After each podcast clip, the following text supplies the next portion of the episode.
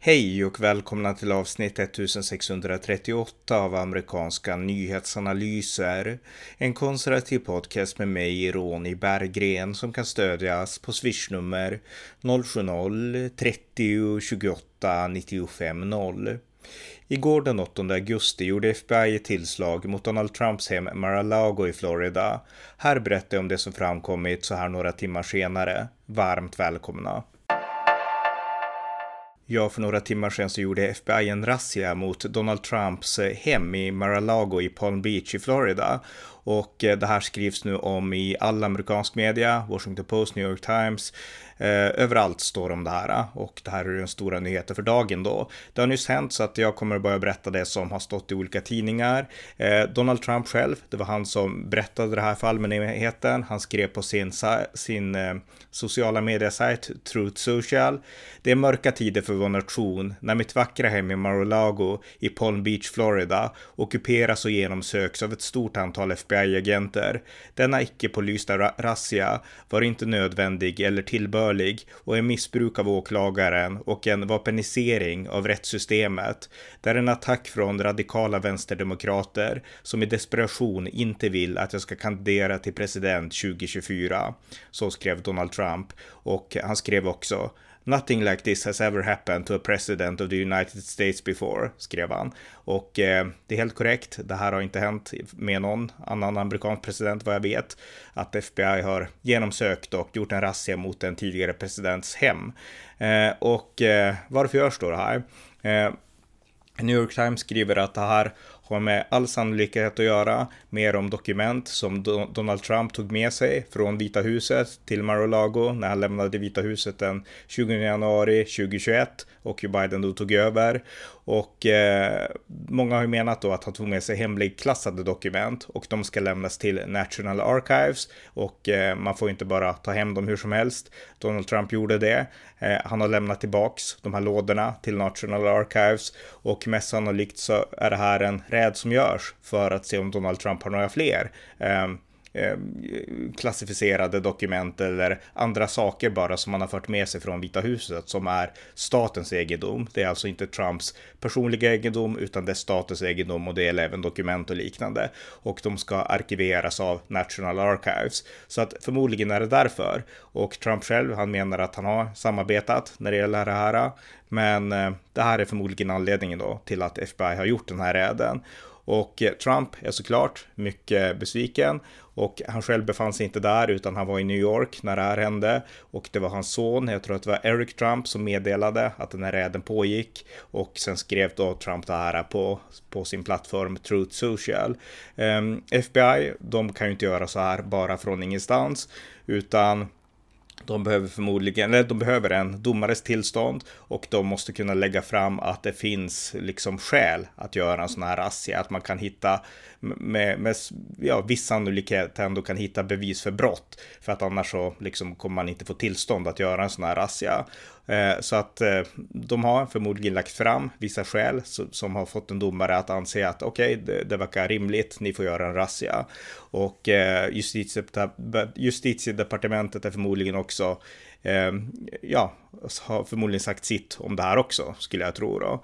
Och eh, det är så här också att när det gäller dokument och så, så är liksom lagen inte glasklar mm, när det gäller vad man får och inte får göra. Men grundläggande så är det statlig egendom och eh, personer som har försökt ta hem olika eh, saker som har tillhört Vita huset, alltså medarbetare åt Bill Clinton, medarbetare åt andra presidenter, de har blivit straffade för, för de här sakerna och fått liksom kritik för det och så. Och eh, det skulle kunna Alltså i värsta fall så skulle man kunna få upp till fem års fängelse om han liksom undanhåller hemlig information och, och sådana saker och gömmer bort det och liknande. Så att eh, det finns ju en del som står på spel här.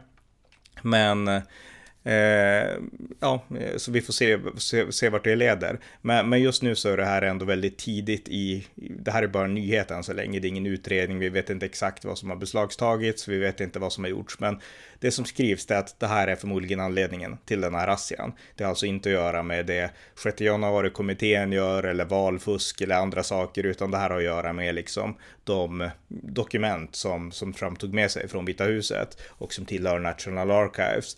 Eh, Eh, så att vi får se vart det leder. Eh, men däremot så har det såklart redan, som jag sa, det är rubriker överallt, så det har redan blivit mycket prat om vad det här innebär och eh, att det är historiskt, det här har aldrig hänt förut. Och eh, följer man liberal media i USA, MSNBC, då pratar de om, om fängelse. Jag såg en person på MSNBC nyligen som pratade om att Donald Trumps advokater, de borde förbereda honom på att det kommer bli fängelsetid så att liksom se till att ordna upp saker så att du kan liksom avtjäna tiden i finkan ungefär. Så pratar de. Eh, demokrater pratar också om att det här innebär att Trump kan inte få kandidera igen. Och eh, Marky e. Elias, som har varit advokat för Hillary Clinton, han twittrade ut eh, eh, en del av amerika den amerikanska lagen som pratar om att eh, man får inte kandidera till något eh, ämbete om man har liksom eh, ja, om man har liksom uppfört sig dåligt ungefär. Eh, det twittrade han ut och bland demokraterna så går nu det här snacket om att det här kommer att innebära att Trump inte får kandidera igen. Och Trump själv, han skrev som sagt på Truth Social att det här är en ja, det är bara ett försök av Demokraterna att stoppa mig från att kandidera igen 2024. Så att de spelar in i varandra här lite grann. Och eh, vi ska ju komma ihåg nu att FBI har en aktivistisk historia eh, mot Donald Trump. Eh, Donald Trump avlyssnades av Obamas justitiedepartement, eh, hans, eh, hans kampanjteam och eh, hela den här Russia Gate-grejen, det var ett påhitt, det vet vi idag. Och det var aktivism i justitiedepartementet och av FBI, framförallt vissa enskilda FBI-agenter. Så att den här historien har funnits där i bakgrunden. Det betyder inte att det handlar om någon djupstat eller att allt är korrumperat eller så, men aktivism har funnits tyvärr. Och Donald Trump blev utsatt för den aktivisten, aktivismen. Och det har gjort att Donald Trump och republikanerna är mycket, mycket skeptiska till eh, FBI och till justitiedepartementet för man ser, ser det bara som demokraternas förlängda arm ungefär. Och eh, någonting, en, en organisation som nu kan eh, weaponisera, eh, weaponize eh, the law som Trump sa och skrev. Så att eh, det är så man ser på det hela och ehm, eh, eh, det innebär helt enkelt att förtroendet undergrävs och eh, nu kan man ha det här som exempel på att fortsätta betona att FBI är bara aktivister och eh, man bör inte lyssna på dem och liknande. Så att Eh, förmodligen kommer det här rent i det politiska spelet leda till att Demokraterna fortsätter att använda det här som ett bevis på att Trump är ovärdig presidentämbetet och han måste stoppas från att kandidera igen 2024. Republikanerna kommer att använda det här för att pålysa att eh, ja, men titta, de är fortfarande aktivister inom FBI och vi måste fortsätta städa upp det hela. Drain the swamp som även Trump säger då. Så att eh, de två linjerna ser jag utskönjas utav, liksom eh, i kölvattnet av den här händelsen. Eh, sen exakt vad man kommer fram till och huruvida Trump har begått ett brott och liknande, ja, det får framtiden utvisa, det vet vi inte än. Men eh, det kommer bli politiskt spel av det här i alla fall, det är ingen snack om den saken. Där båda sidor kommer att inta två olika eh, förhållningssätt och eh, eh det här kommer bli en del av liksom taktiken också förmodar jag inför mellanårsvalen när man då pratar om Trumps vara eller inte vara i liksom den amerikanska politiken. Så att eh, ja, det var lite om det. Det går säkert att säga mycket mer, men jag tror att eh, det får vi ta vid annat tillfälle när det har kommit fram fler saker. Så att en kort eh, uppodd om det här, bara en kort uppdatering. Men det är viktigt att ha perspektivet, det politiska spelet och att det här görs. Det är historiskt och man kan betrakta det negativt och man kan betrakta det liksom Eh, alltså hela poängen är att vi har inte liksom den exakt sanna historien är än. Det, det, är det som är viktigt att betona. Jag läste någon rubrik på Sveriges Radio tror jag, där det lät som att, alltså då får man det att framstå som att Trump är, titta det här är ett bevis för att Trump är en skurk. Men så är det inte. Det här är liksom inget bevis för någonting och eh, eh, ja, det, det, fram, det liksom återstår att se vad som framkommer i utredningen. Det är det som är viktigt att betona här. Men den bild som ges eh, i Sverige, den är väldigt, det blir ju Demokraternas bild att det här är liksom Trump är inte värdig president presidentämbetet, kanske fängelse och så vidare. Men det behövs den republikanska bilden också, att FBI har en historia av aktivism och den har specifikt varit extremt hård mot Donald Trump. Det, det minns alla som, som hängde med under de åren.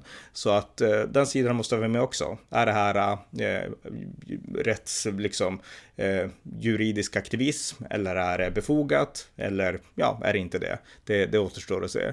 Så att eh, det var väl mitt korta take på det här. Så att vi sätter punkt nu. Ni har lyssnat till amerikanska nyhetsanalyser, en konservativ podcast som ni gärna får stödja på swishnummer 070-30 28 95 0 eller via hemsidan usapool.blogspot.com på Paypal, Patreon eller bankkonto. Glöm heller inte att fortsätta stödja valfri hjälporganisation som bistår Ukraina. Det var allt för idag. Tack för att ni har lyssnat. Thank you.